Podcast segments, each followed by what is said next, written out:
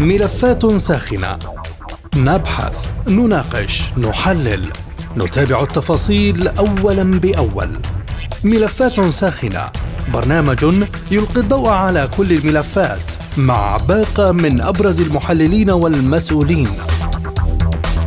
ملفات ساخنة. يقدمه لكم عبد الله حميد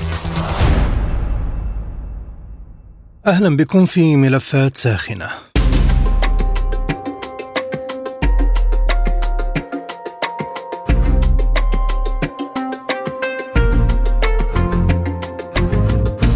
حرب شديدة التعقيد هكذا وصف وزير الدفاع الإسرائيلي يوآف جالنت الحرب في غزة. اشتباكات تدخل شهرها الرابع وعملية برية لم تحقق أهدافا وضعتها إسرائيل منذ البداية. قال جالنت إن العملية البرية تتقدم وتحقق أهدافها مشيرا إلى أنها ستتواصل خلال الأشهر القادمة من أجل تهيئة الظروف لإطلاق سراح من وصفهم بالرهائن.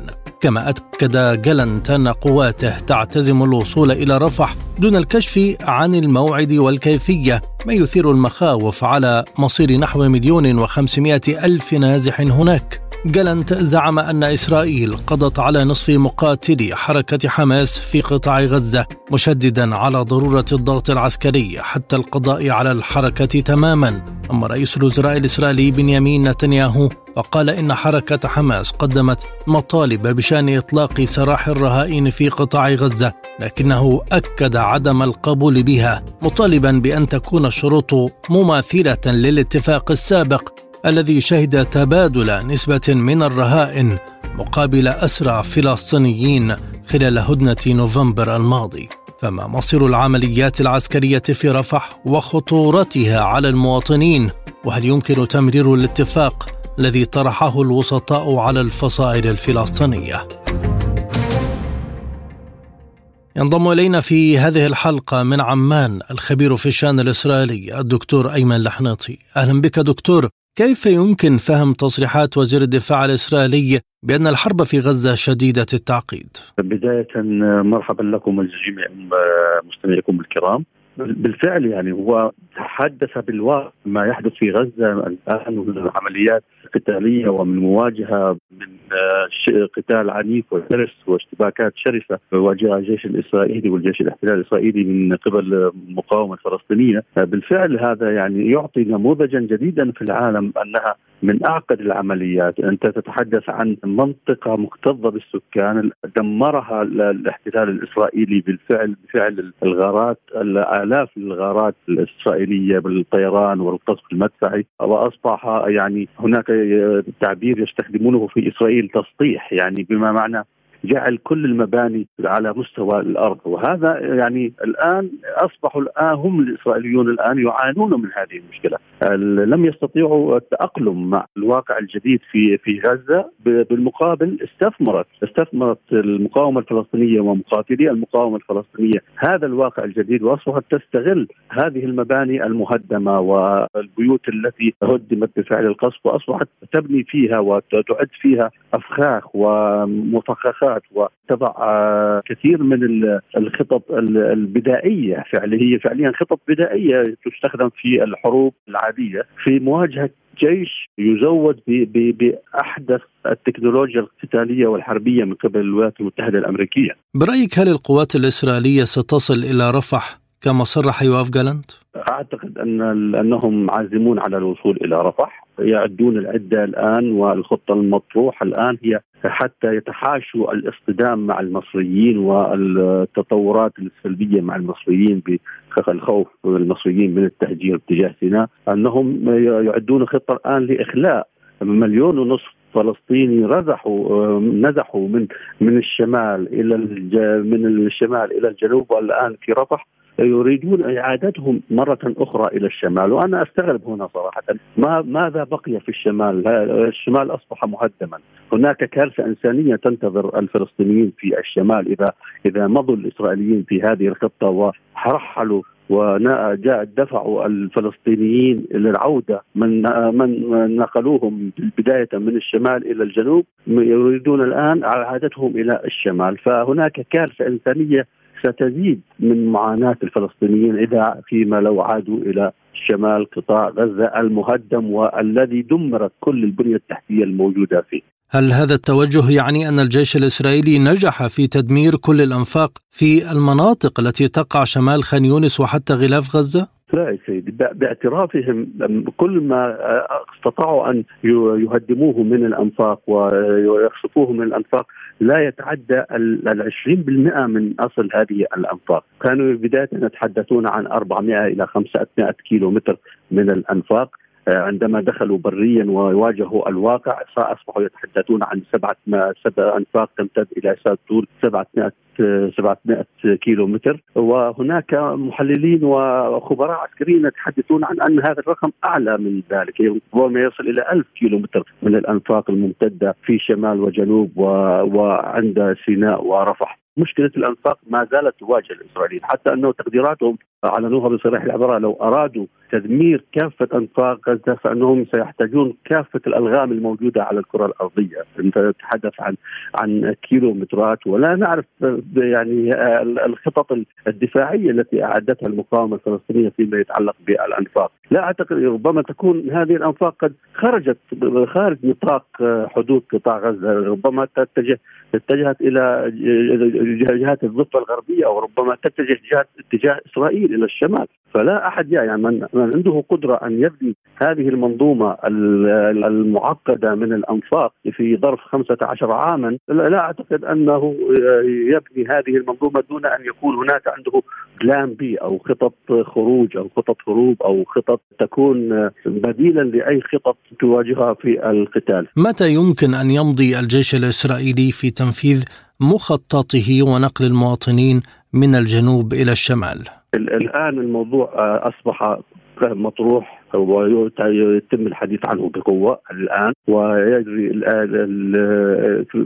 بموازاة الحديث عن الصفقة والانتظار ما ستفضي إليه الصفقة. هم يعني التصريحات الأمس التي صدرت عن وزير الحرب جالانت ووزير ونتنياهو هذه هي يريدون بها الضغط نفسيا على على قيادة حماس بالرضوخ إلى هذه الصفقة وإلا مارسوا المزيد من العمليات القتالية والضغط العسكري. أعتقد أنه إذا لم يتم التوصل خلال الأيام المقبلة إلى إلى إلى هدنة أقل ما فيها، هدنه هدنه هدنة مؤقتة لوقف إطلاق النار لتحاشي القادم من الأيام نتحدث عن أن رمضان شهر رمضان على الأبواب وهذا يعتبر بالنسبة للإسرائيليين والأمريكيين هاجس كبير لأن في رمضان تزداد المشاعر الإيمانية وإذا استطاعت المقاومة الفلسطينية أن تصمد إلى رمضان نتحدث عن ثلاثة أسابيع تقريبا وهو كمان هناك مباشرة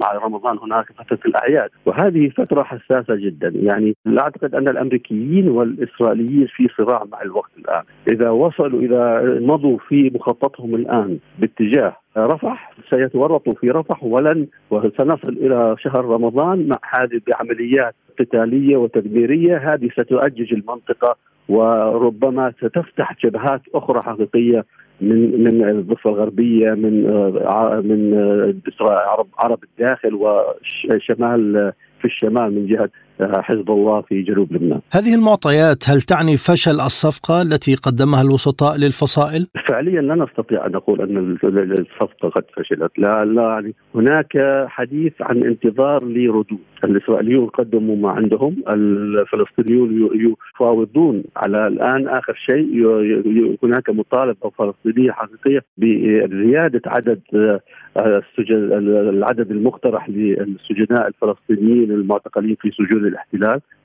الحديث في بداية الصفقة كان عن المرحلة الأولى عن إفراج عن 35 اسيرا ومحتجزا اسرائيليا مقابل أن يكون هناك إفراج عن بنفس المعادلة التي تمت فيها الصفقة الماضية ثلاثة إلى واحد. لكن المقاومة الفلسطينية اليوم تصر على أنها تريد عدد أكبر من هذا العدد بكثير. وأعتقد أنه سيحصلون على ما يريدون لأن الشارع الإسرائيلي يضغط بقوه في خصوصا عائلات الأسرى والمحتجزين الذين أصبحوا يؤثرون كثيرا في الشارع الإسرائيلي، أصبحت اليوم لا تكاد تخلى أي صحيفة أو وسيلة إعلام إسرائيلية من مشاركة ذوي هؤلاء ومن مشاركة نفس الذين كانوا محتجزين وأسرى في يتحدثون في مقالاتهم وفي مقابلاتهم عن عن تجاربهم وعن مآسيهم في في الأسر. وهذا يضغط كثيرا القيادة السياسية الإسرائيلية والعسكرية أن دفعها ان تقدم إلى حل يخرج آه، هذه الحكومة من معضلتها الحالية. شكرا جزيلا لك دكتور أيمن لحنوطي الخبير في الشان الإسرائيلي كنت معنا من عمان.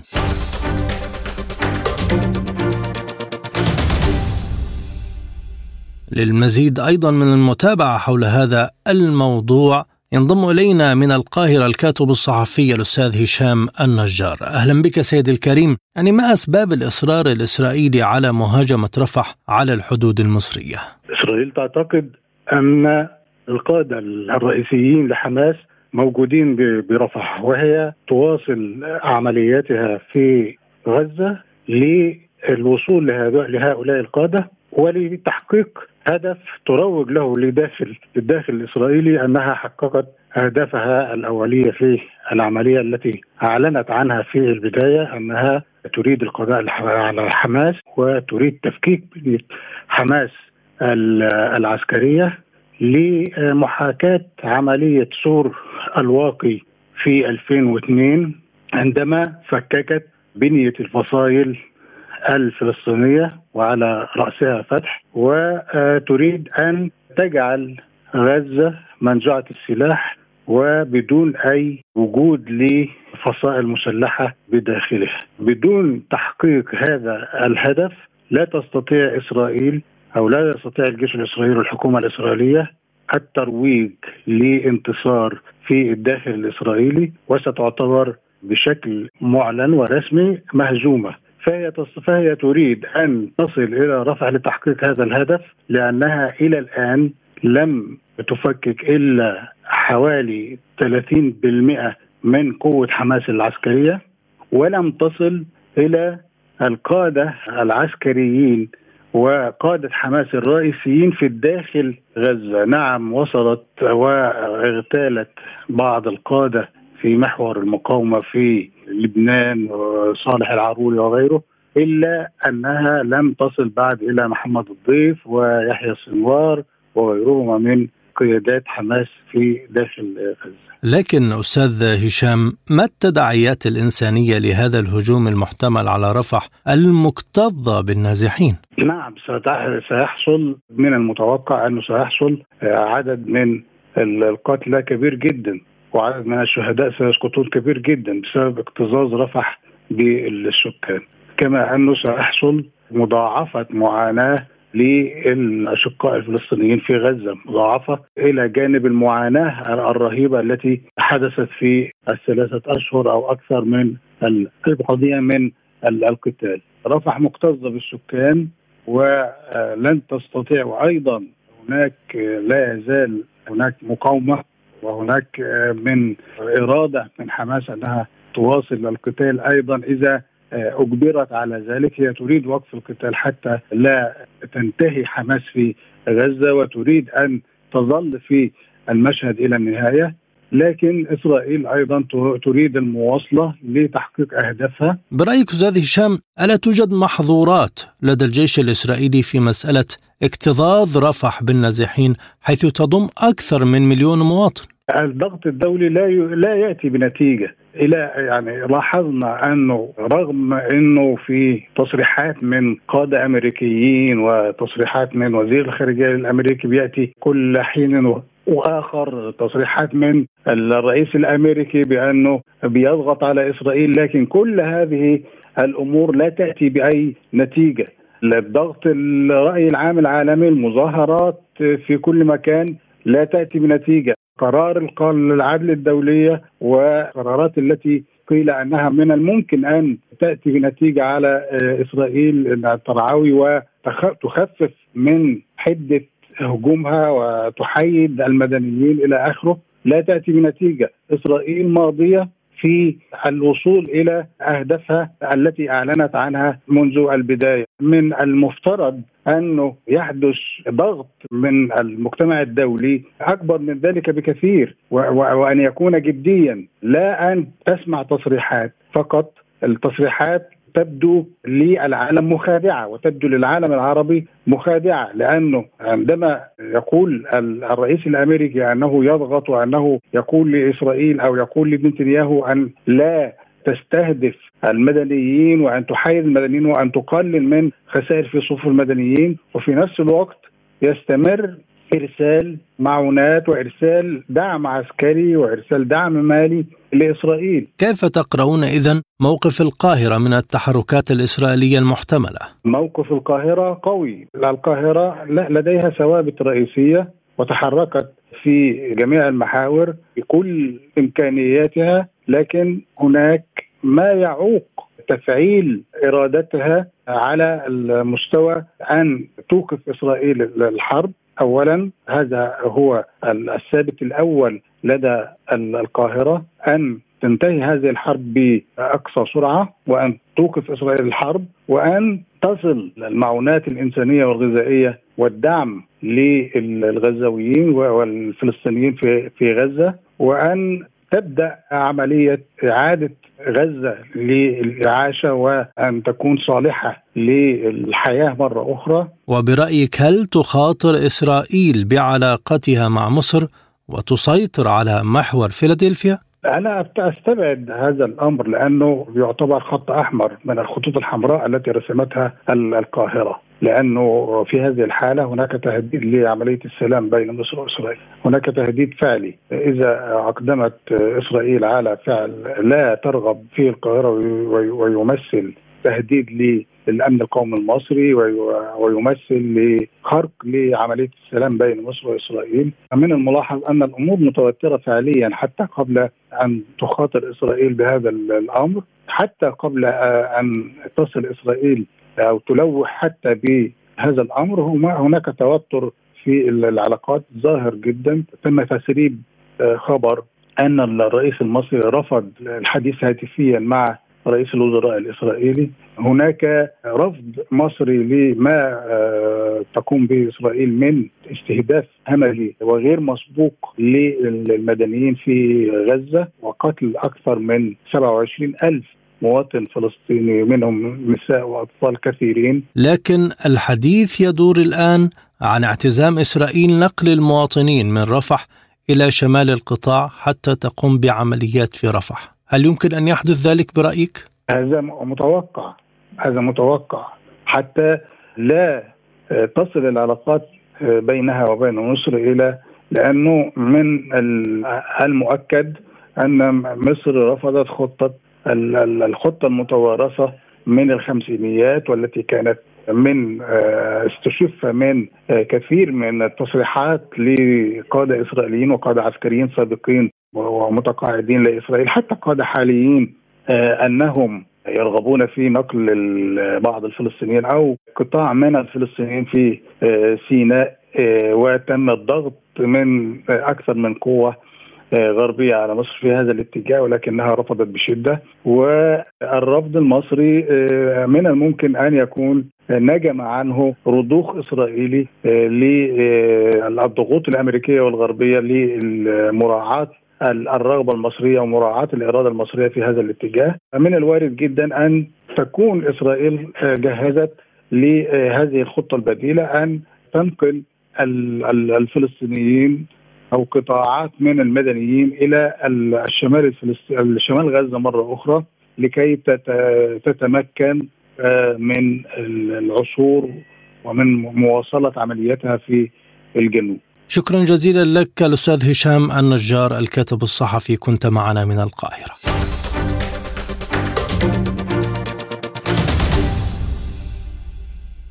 للمزيد ينضم إلينا من بيروت الخبير العسكري الدكتور أمين حطيت أهلا بك دكتور. وزير الدفاع الإسرائيلي يوف جالنت يقول إن العملية البرية في غزة تتقدم وتحقق أهدافها وفي نفس الوقت يراها بالغة التعقيد.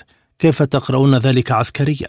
من الوجهة العسكرية نستطيع أن نقول أن إسرائيل تتخبط في قطاع غزة، هي لا تمارس القتال والعمليات العسكرية المجدية التي تحقق الإنجاز العسكري، إنما تمارس عمليات القتل والتدمير وهي جرائم حرب، وبالتالي القول بأن عمليات تتقدم هو يعني هي قول بأن عمليات التدمير تتفاقم وتتراكم. وقد دمرت إسرائيل شريطا حدوديا مع قطاع غزة بعمق يتراوح بين 800 إلى 1200 متر أخلته من الأبنية بنسبة بين 60 إلى 80% واستمرت في تدمير الأبراج حتى أن هناك من يقول بأن إسرائيل أوجدت في قطاع غزة عقيدة الأبراج المدمرة آه، قياسا على ما قيل سابقا عن عقيدة الضاحية الضاحية الجنوبية في بيروت. أما من الناحية العسكرية من وبلوغ الأهداف العسكرية فأعتقد أن إسرائيل لم تحقق شيئا من الأهداف الثلاثة التي أعلنتها وهي تحرير الأسرى أحياء والقضاء على حركة حماس والمقاومة الفلسطينية في غزة وأيضا وأيضا إحداث التغيير الديموغرافي اقتلاع أهل غزة من قطاعهم. هذه الإنجازات أو هذه الأهداف لم يتحقق منها شيئا لذلك تقول إسرائيل أو يقول جالنت وزير الحرب الإسرائيلي الذي يعتبر أحد المسؤولين الرئيسيين عن الفشل العملاني الإسرائيلي يقول بأن العملية بلغت التعقيد أو معقدة فهو التقدم هو في الإجرام أما في الإنجاز العسكري فهي معقدة حتى لا يقول أنهم فشلوا في تحقيق انجازاتهم ولذلك نحن نرى أن مزيدا من الوقت ينفقه الإسرائيليون في غزة فهو يكون فرصة لارتكاب الجرائم ولن يكون فرصة لتعويض الهزائم. وهذا الأمر بات معلوما لدى الإسرائيليين أنفسهم ولدى حلفائهم أو الذين يمدونهم بأسباب القوة والفتك. ما حسابات إسرائيل العسكرية عندما تعلن أنها سوف تدخل مدينة رفح؟ تعتقد إسرائيل ان أن التكتيك الذي يعتمده المقاومين لم يمنعها من الدخول إلى رفح، خاصة أن المقاومين يعرفون قواعد العمل بقتال الجيل الرابع وهم لا يخوضون المعارك الحاسمة بل يخوضون معارك الاستنزاف المؤذية للعدو. لذلك أن تقول إسرائيل بأنها ستدخل إلى رفح هذا أمر ممكن. لكن السؤال هل أن بإمكانها أن تستقر أو أن تقيم نظامها الأمني في رفح أو أن تقتلع المقاومة من رفح؟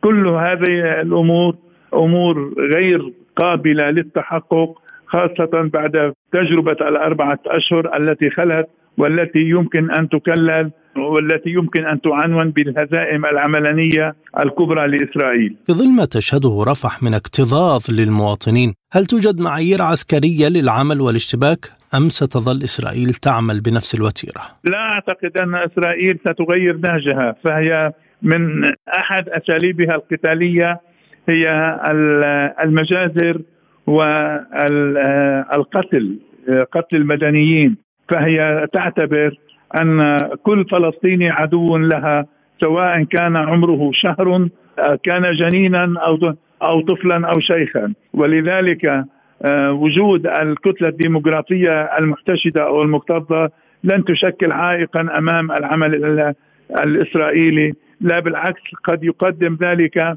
خدمة لإسرائيل بأنها يتيح لها السير قدما. بالإبادة الجماعية في ظل السكوت الدولي عن هذه الجرائم وفي ظل الحماية الأمريكية لها. حتى أن محكمة العدل الدولية لم تتخذ قرارا حاسما بوقف إطلاق النار حتى تحول دون قيام إسرائيل بعمليات الإبادة الجماعية رغم كل الضغوط الدولية على ذلك. الحديث عن نقل المواطنين إلى المناطق الشمالية للعمل بأريحية في رفح، كيف يمكن تفسيره عسكريا؟ لا يمكن لإسرائيل أن تبقي الوضع في الجنوب بحال اكتظاظه والشمال فارغا، هناك تعديل آه، لوجود السكان في قطاع بنسبة بمساحة تتراوح بين 95 إلى 125 كيلومتر وهو المنطقة من الوسط وباتجاه الشمال.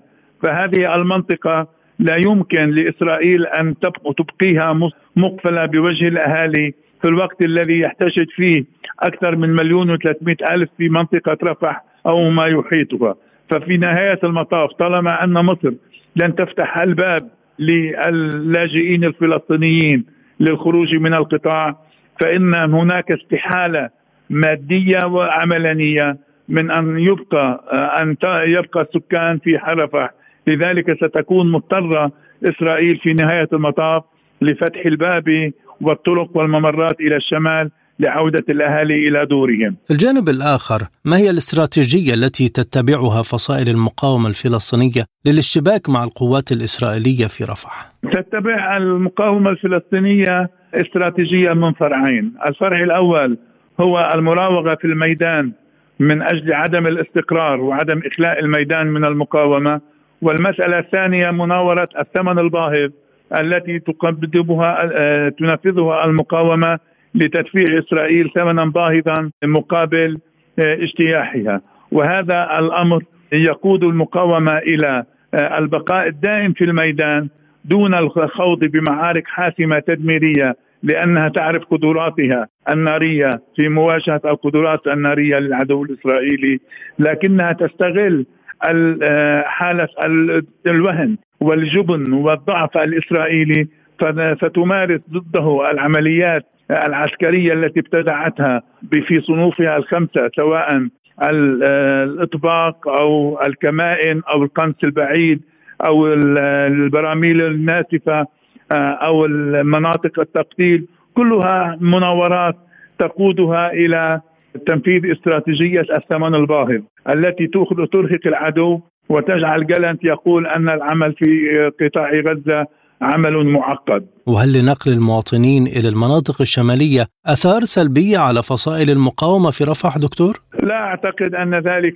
سيكون سلبيا، لا بالعكس أن نقل المواطنين إلى المناطق الشمالية سيوسع من دائرة البيئة الحاضنة للمقاومة خاصة وقد أثبت الفلسطينيون رغم المآسي التي حلت بهم أنهم لن يتخلوا عن مقاومتهم ولن يئن أحدا أحد منهم ولن يتراجع أحد منهم عن دعم المقاومة. ما مصير اذا جهود التوصل لهدنة في ضوء التصعيد الإسرائيلي ورفض نتنياهو شروط الفصائل؟ أنا أعتقد أن الهدنة ستكون هي الحل في نهاية المطاف أو مخرج لا بد منه. تكابر إسرائيل وتعقد الأمور بعض الشيء لكن في نهاية المطاف ستضطر إلى القبول بالهدنة وتكون هدنة طويلة منفتحة لأن تتحول إلى وقف إطلاق النار. والمدة كما أعتقد تتراوح بين أسبوع إلى أسبوعين يكون في نهايتها تفاهم أو اتفاق على مثل هذه الهدنة الطويلة. ما هي المواقف المفترض القيام بها؟ من المستويات السياسية في الدول المتداخلة في الأزمة لحماية المواطنين الفلسطينيين؟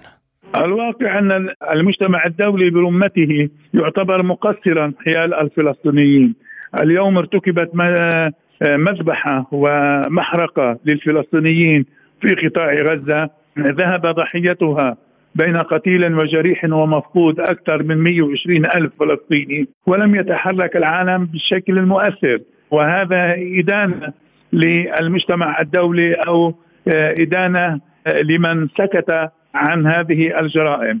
الآن المطلوب وضع حد للعدو الإسرائيلي لوقف الإبادة الجماعية آه، عبر الضغوط والتلويح بالعقوبات وبأن ترفع أمريكا يدها عن مجلس الأمن وتتيح اتخاذ القرارات التي توقف المذبحة الفلسطينية. لكن للأسف لا يبدو في الافق أن هناك تحرك دولي فاعل يمكن من القول بان بأنه ذو تأثير على الحال في قطاع غزة لدرجة وقف الأعمال للإبادة الجماعية التي ترتكبها إسرائيل. شكرا جزيلا لك دكتور أمين حطيط الخبير العسكري كنت معنا من بيروت. إلى اللقاء. مستمعينا بهذا نصل وإياكم إلى نهاية هذه الحلقة من برنامج ملفات ساخنة. طابت أوقاتكم وإلى اللقاء.